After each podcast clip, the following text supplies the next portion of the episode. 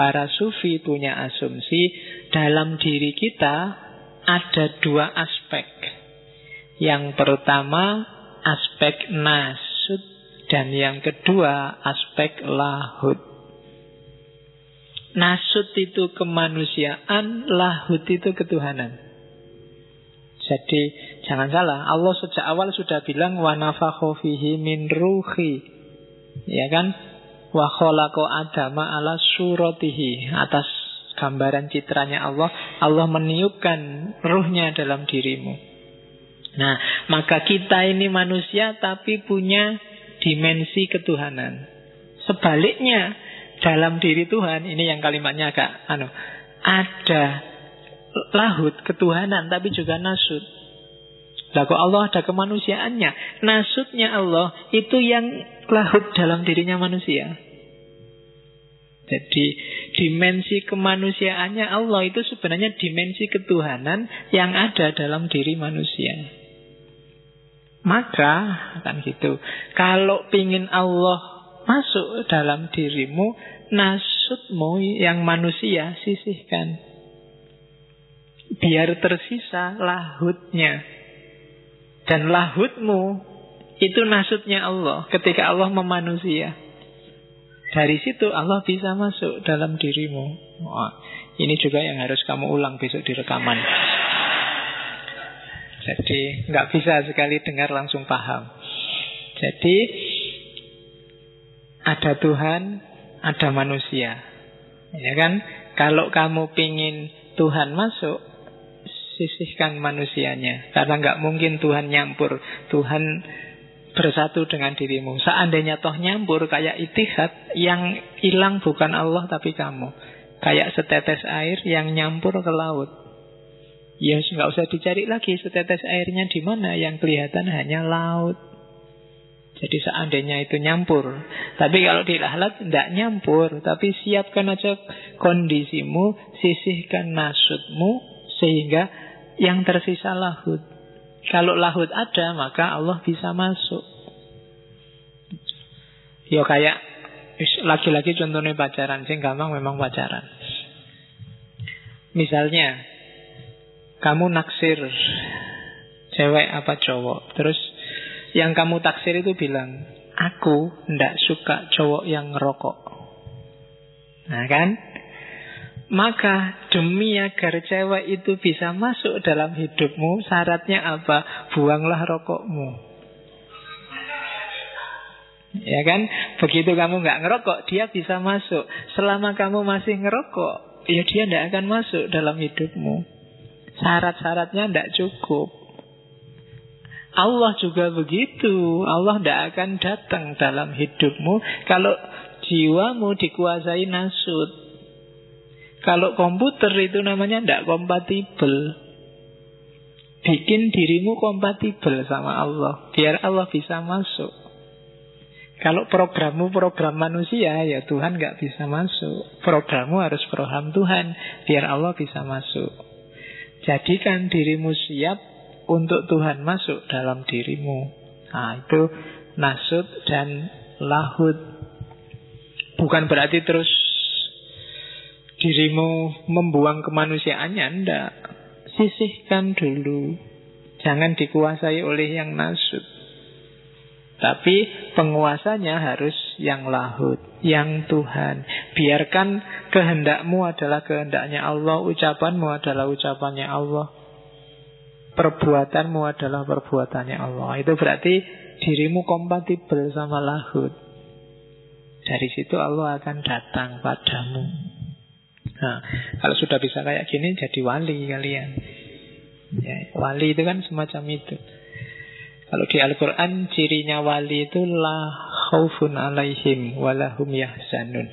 Selama di hatimu masih ada takut, apa pun jenis ketakutan itu, takut besok kerja apa, takut besok ujian bisa ngerjain apa enggak, takut kapan ya lulus kuliah ini, takut kok rain untuk pacar, jangan-jangan nggak laku, Takut kalau masih banyak ketakutan berarti makomu belum wali.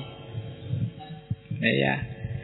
Jadi wali itu dia tidak punya takut apa-apa. Itu ciri paling gampang.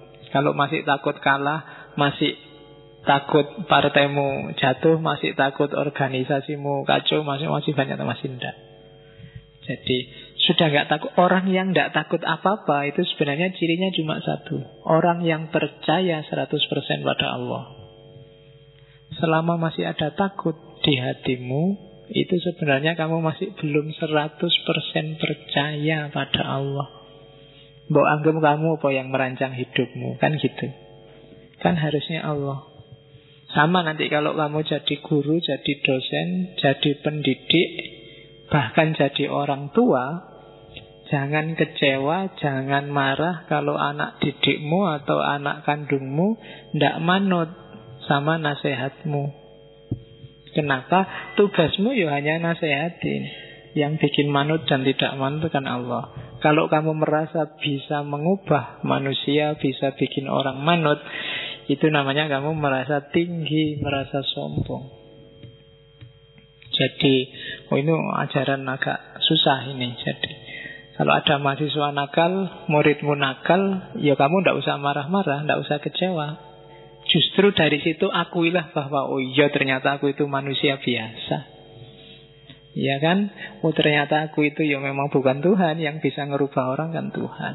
Tapi kalau kamu marah-marah, kecewa itu itu ada nada sombong di situ. Seolah-olah kamu itu bisa ngerubah, kamu itu bisa bikin orang jadi lebih baik. Enggak. Oke.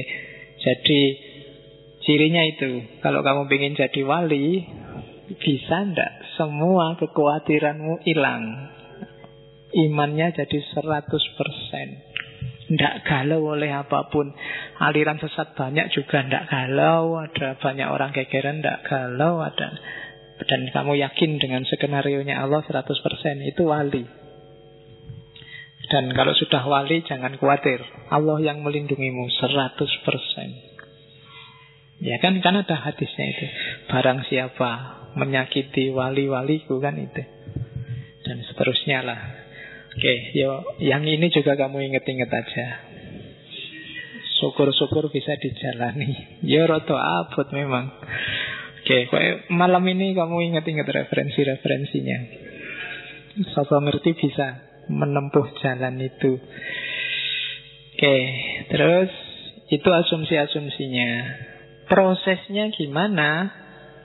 Untuk menyisihkan nasut mau tidak mau harus riadoh diniyah. Jadi latihan rohani. Ya namanya latihan dong mesti agak berat. Uzlah kemudian tafakur, muhasabah, sholat malam, pokoknya mendidik diri agar tidak jatuh cinta sama dunia. Nah ini roto abot kalau usia-usia kalian mungkin ya ah, masih ambil nafas besar, ya. Jadi Ya abot, ya semangatmu kan naik turun kayak gini, wah semangat saya mau riato, ah, riato apa nih? Iya, Ya kan, kamu sholat subuh on time itu sudah alhamdulillah. Ya, jadi ya masih ingat sholat subuh kan luar biasa. Tidak usah lah tahajud tahajud itu apa nih. Jadi sholatnya subuh. Kemarin saya baca di mana itu kenapa di Indonesia banyak orang sholat subuhnya kesiangan karena salah nama. Kalau di beberapa kitab sholat subuh itu namanya sholat fajar. Di Indonesia subuh lebih terkenal. Kalau sholat fajar, ya waktu fajar. Jadi ketika diganti sholat subuh ya berarti tidak harus fajar, pokoknya subuh niatnya. Oke, okay, yo argumennya apa gue. Jadi mari kita jadi besok di situ diganti ya sholat fajar gitu kan. Sholat fajar Waktunya fajar berarti tidak waktu subuh. Karena namanya subuh kadang-kadang jam 7, kadang jam saya juga saya lupa ya baca ada juga referensi bahwa sebenarnya sholat duha itu banyak hadisnya yang dipertanyakan. Coba dicek yang ahli hadis ya. Di beberapa referensi malah ada yang bilang sholat duha itu awalnya karena dulu Muawiyah itu sholat subuh kesiangan.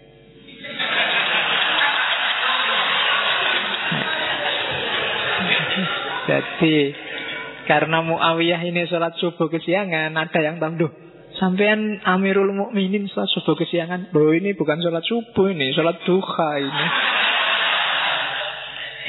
Ah, terus dari situ lahirlah banyak hadis-hadis tentang keutamaan sholat duha. Oke, okay. yo kamu cek sendiri. yang ahli hadis, ahli sejarah. Oke, okay. nah sampai situ ya, harap ngomong riadoh ya. Jadi riado latihan batinmu dengan cara mem, apa, memberdayakan fisikmu untuk mengarah ke batin. Jadi kiblatnya harus semuanya Allah. Dunia itu boleh kamu tunggangi, tapi ngadepnya ke belakang.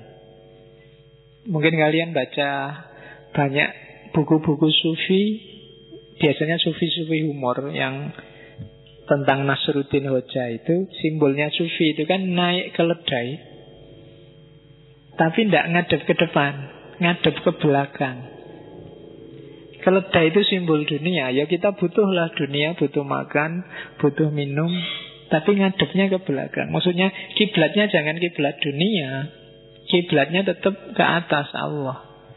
Jadi ada apa-apa ngajaklah Allah Ngaji kayak gini ya ajaklah Allah ke sini. Kalau kamu sedang pacaran, ajaklah Allah pacaran. Biar pacarannya islami. Oh iya kan? Loh, kalau kamu pacaran ngajak Allah kan Anda ah, enak ada Allah ini kan gitu. Ya kan? Mau pegang tangan juga ndak enak kalau Ya, kalau iblis yang datang kan kalau dua orang yang ketiga setan kan kalau setan kamu malah nekat, malah setan aja kok. Ya, kadang-kadang yang ketiga setan itu setannya malah nganggur, belum diapa-apain kamu sudah kreatif.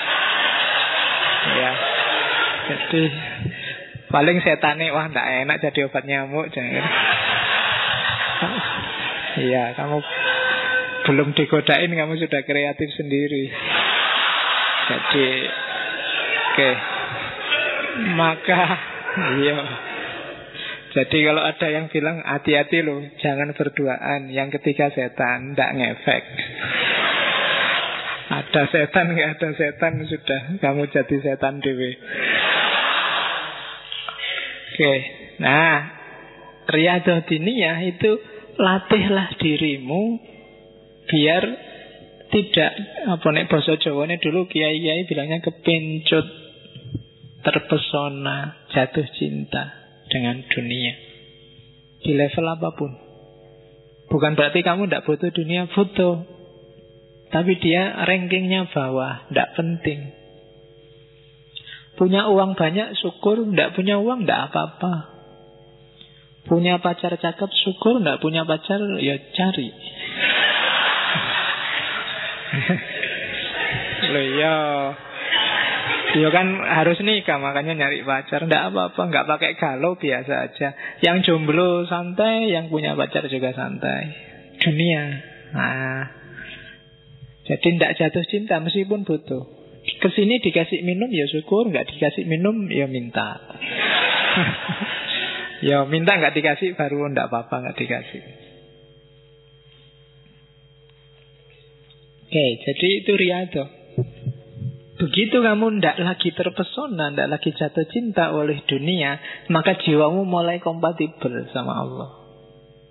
Tapi kalau dunia masih bikin kamu sibuk, cirinya yang gampang tadi, kamu masih banyak ketakutan-ketakutan, kekhawatiran-kekhawatiran, yo agak susah Allah masuk.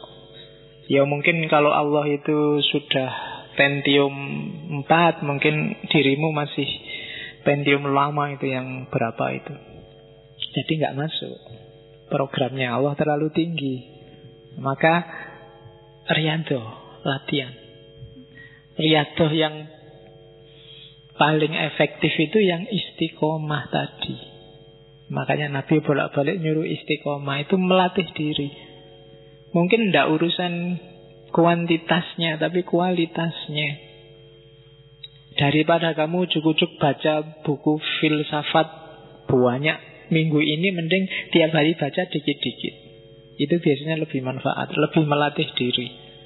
Jiwa juga begitu. Kadang-kadang kan kamu kan gitu Kalau pas lagi Kayak sekolah-sekolah hari ini loh. Ujuk-ujuk semua bikin doa bersama, sholat malam karena mau uan.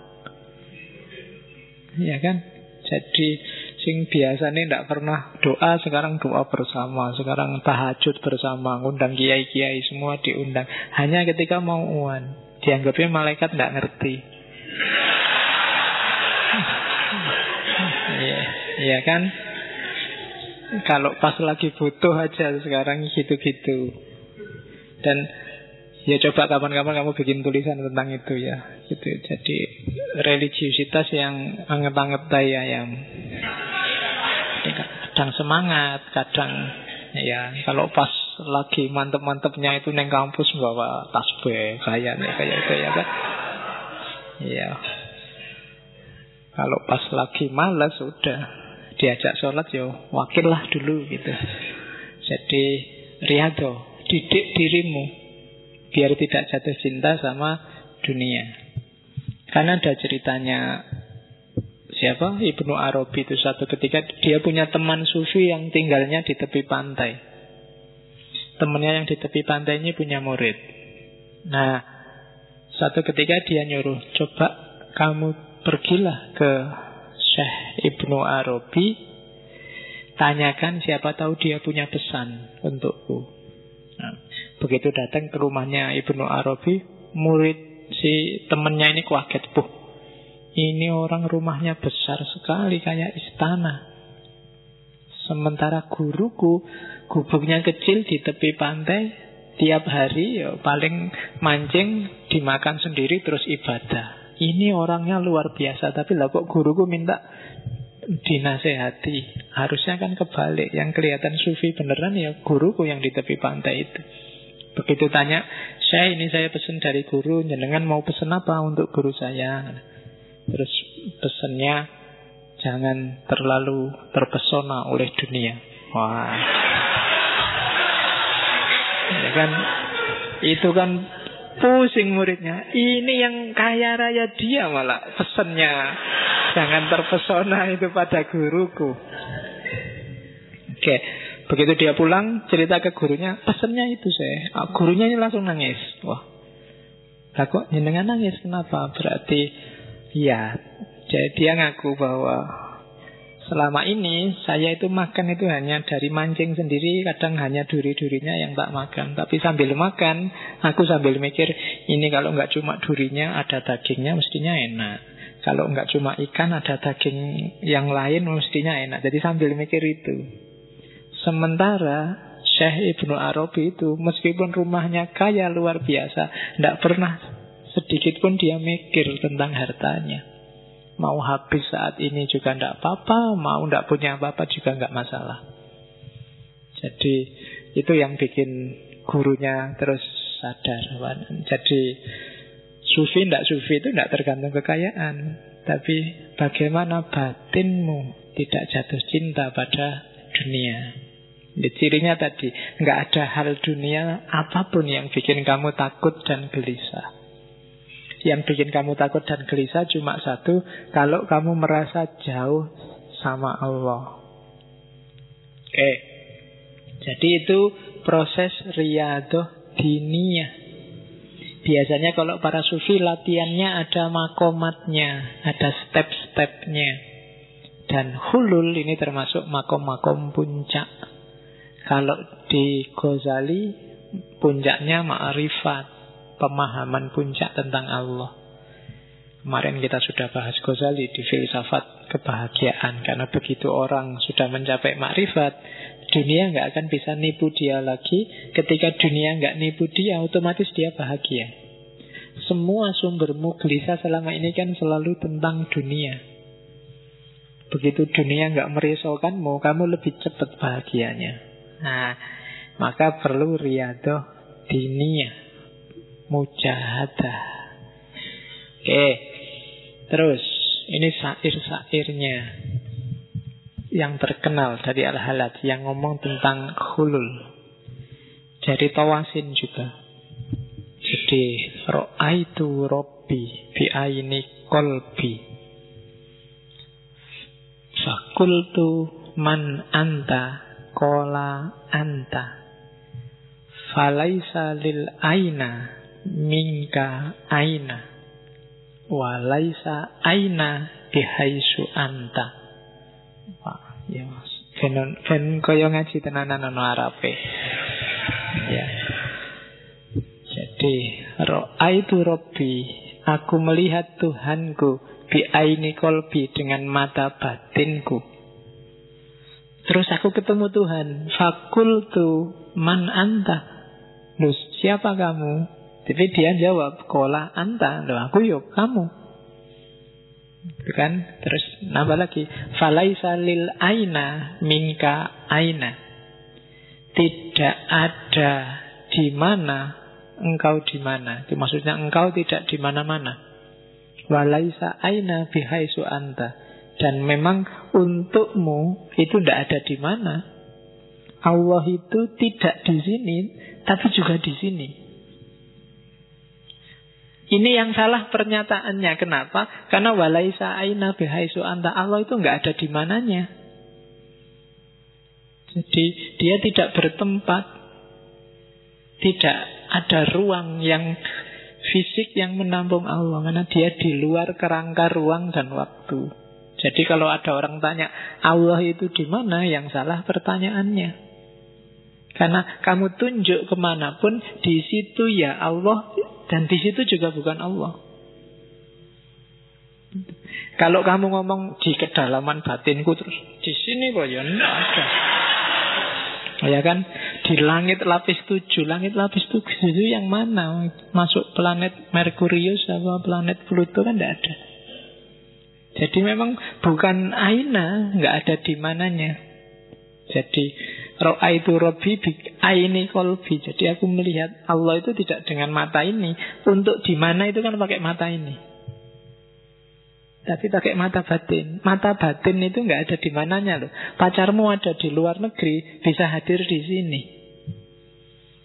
Sudah mati, sudah nggak ada fisiknya pun dia bisa hadir tiap hari di sini. Itu tidak ada ainanya, sudah nggak ada di mananya.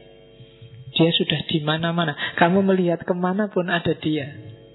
Meskipun hakikatnya dia tidak ada di mana-mana. Oh itu wis abot nih. Nanti diulang lagi ya rekamannya. Iya, bolak-balik gitu harus kamu ulang. Nanti ini kalau nggak diulang bahaya kamu. Tiba-tiba ceramah kayak gini jamaahnya sumpek. Oke okay, ya. Pokoknya ini nggak usah dipakai khutbah Jumat. Ya, jangan khutbah Jumat hari ini temanya hulul itu mas. Saya ingat dulu dosen baru ngajar mahasiswa baru mata kuliahnya ahlak tasawuf. Pertanyaan, pokoknya yang ngajar gini-gini lah ada teori-teori tasawuf. Nah, pas ujian soalnya tulis apa yang dimaksud hulul nah, karena mahasiswanya mungkin nggak pernah masuk nggak pernah belajar dianggapnya soalnya salah ketik dianggapnya harusnya bukan hulul tapi halal. Jadi jawabannya hulul adalah sesuatu yang boleh dimakan. Jadi ya wis. Orang apa-apa. Jadi soalnya dianggap salah ketik ya Tidak apa-apa lah. Oke jadi Itu yang pertama. Yang kedua Ini juga Ana man ahwa Wa man ahwa ana. Nahnu ruhani halalna badnan. Fa'idha absortani absortahu. Fa'idha absortahu absortana. Jadi aku adalah orang yang mencintai dan sekaligus yang dicintai. Dan orang yang dicintai juga aku kan itu. Waman ahwa ana. Nahnu ruhani. Kami adalah dua entitas dua roh. Halal nabadnan yang kami sama-sama menempati satu badan. Faiza absortani. Ketika engkau melihatku absortahu engkau melihatnya. Faiza absortahu absortana ketika engkau melihatnya engkau melihat kami.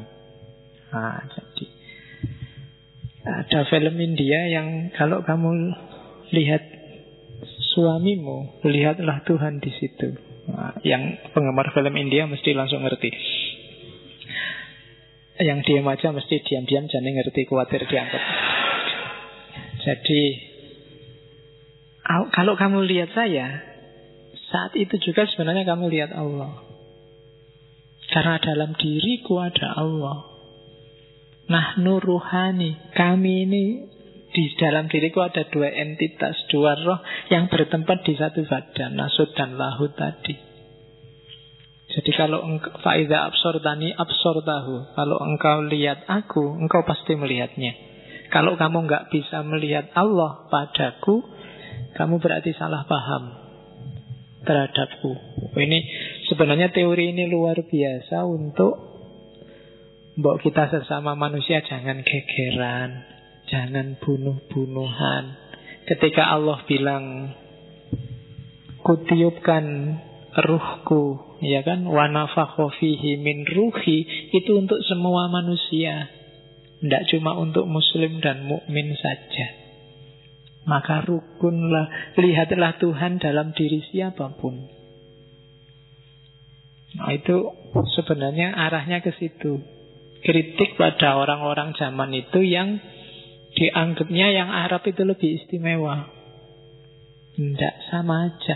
Yang Persia juga, yang Arab juga, semuanya dalam dirinya ada Allah di situ. Allah sendiri yang bilang. Nah, jadi ini maunya para sufi maka bagi banyak ilmuwan ajaran Islam yang paling mudah diterima bagi yang non muslim di luar Islam itu level sufinya ke mana-mana bisa masuk karena memang ajaran-ajaran kemanusiaannya agak tinggi dibandingkan yang fikih. Fikih itu kan agak kaku. Jadi kalau ada yang tanya jumlah umat Islam sekarang kan ada kemarin rame-rame jumlah umat Islam sekarang berapa itu tergantung versi sufi atau versi fikih ya kan kalau versi fikih pun itu fikih aliran mana dulu Ya kan? Kan karena fikih itu kadang aliran A, aliran B, yang ini dianggap kafir, jadi nggak masuk Muslim. Yang benar yang ini aja. Jadi jumlah umat Islam sebenarnya sangat sedikit kalau pakai fikih. Kalau pakai tasawuf bisa jadi wow, semua di dunia ini sebenarnya ya Islam. Muslim kabeh, sedulure kabeh, foto-foto menungsane kan gitu. Sama-sama dalam diri mereka masing-masing ada Allah. Yang membedakan apa? Gradasi cahayanya. Bukan urusan formalisme ibadahnya. Sejauh mana jiwanya terang. Sejauh mana dia dekat dengan nanti yang namanya Nur Muhammad. Kita lihat lagi.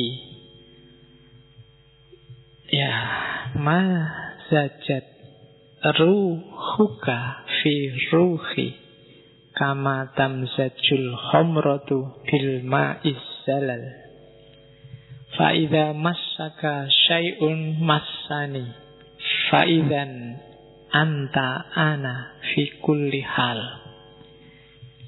bercampurlah ruhmu dalam ruhku sebagaimana bercampurnya khomer dengan air bening ketika sesuatu menyenggolmu menyentuhmu maka ia juga menyentuhku.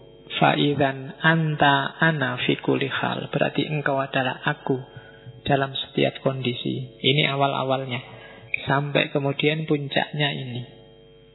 Ana al-haq. Ini kelihatan luar biasa. Padahal kalau kamu pahami harusnya harusnya setiap muslim nyampe ke level ini dengan pemaknaan tidak seperti pemahamanmu selama ini. Ini kan biasanya kamu pahami terus aku adalah Tuhan. Sesederhana itu, padahal maksudnya bukan ke situ. Kita lihat tafsir-tafsirnya ya. Yang pertama, di tulisan-tulisannya Al-Halaj di At-Tawasin itu dia membedakan hak saja dengan al-haq. Maka bukan anak hak tapi anak al-haq. Jadi kalau al-haq itu sama kayak lahut yang ada dalam diri manusia tadi. Itu kayak kalau itu kebenaran, itu kebenaran kecil. Makanya di situ di narasinya tak tulis pakai huruf kecil biar kamu nggak salah paham.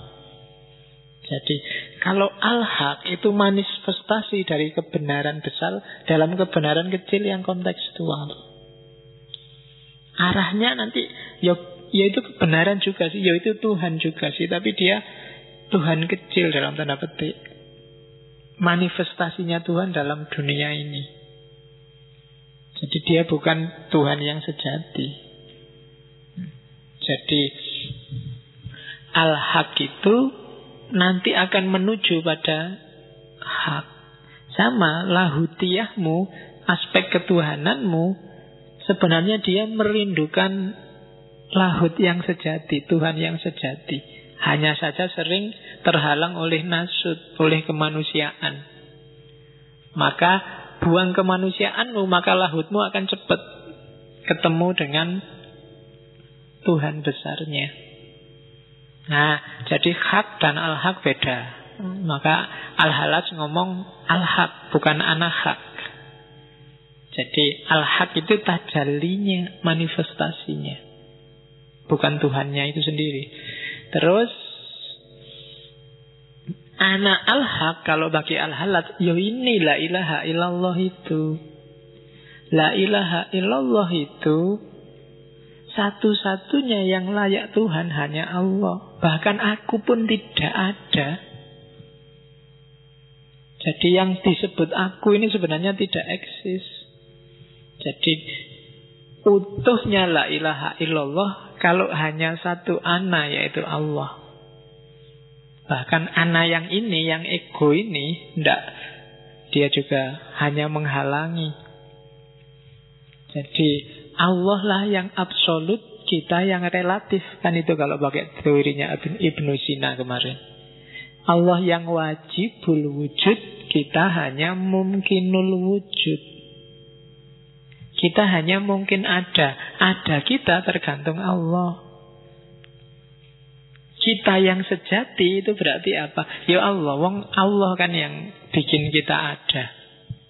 Jadi kita itu tidak ada, ada yang sejati hanya Allah. Maka kebenaran yang paling esensi, satu-satunya yang ada hanya Allah.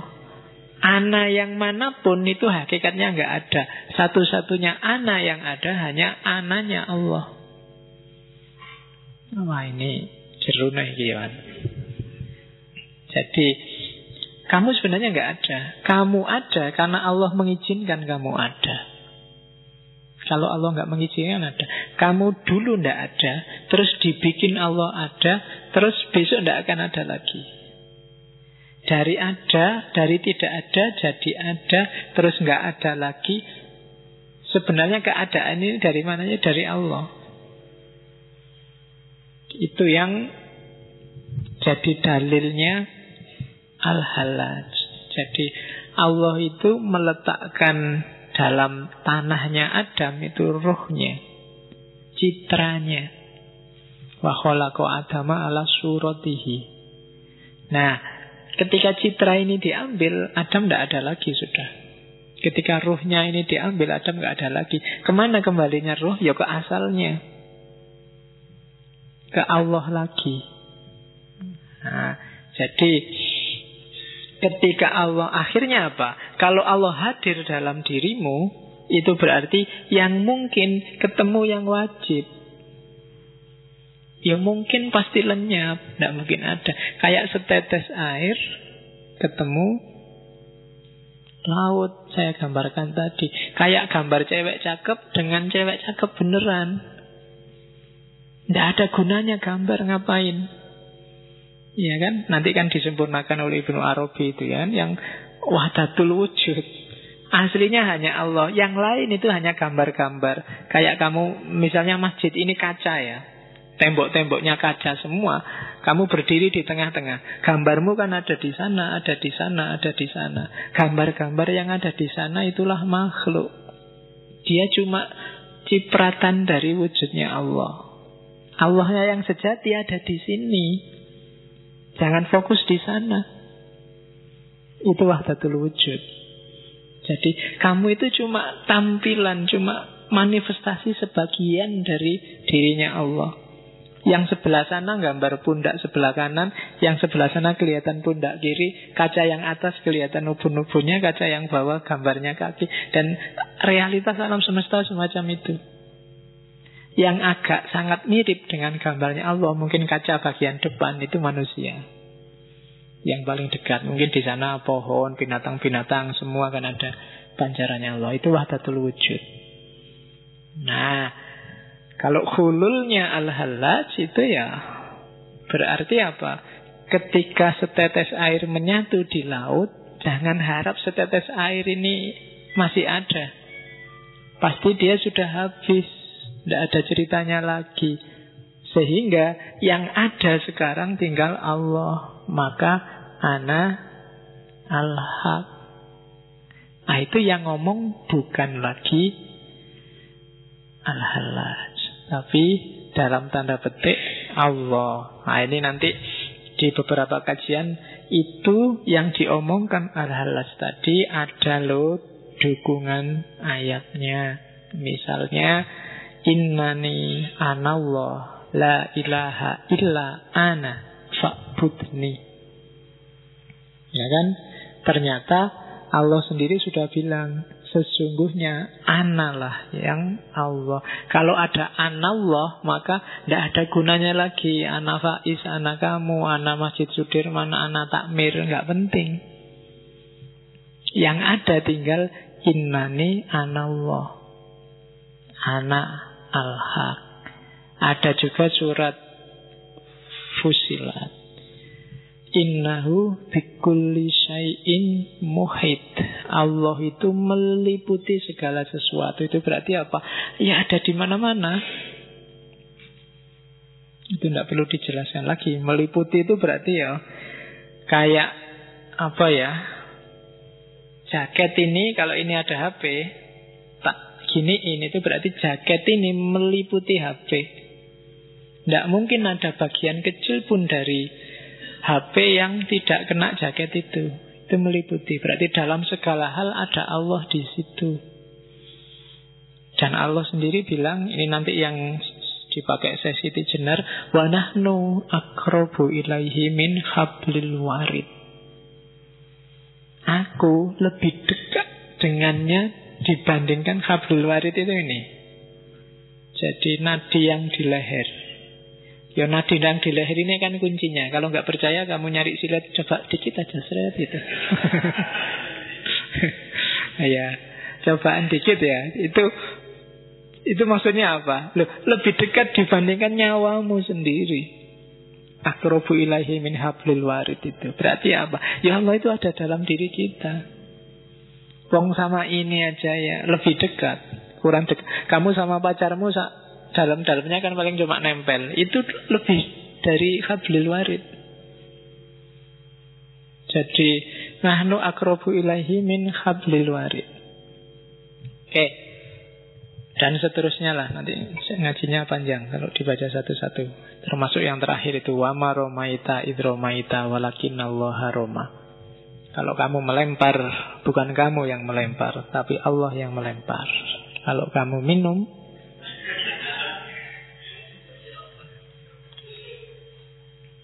Ya sayangnya aku belum nyampe makomnya jadi belum nyampe wamaromaitanya. Kalau sudah hulul itu saya bilang tadi Kalau kamu ngomong itu ucapannya Allah Kehendakmu kehendaknya Allah Oke kita lihat Tafsirnya para sufi yang lain Komentarnya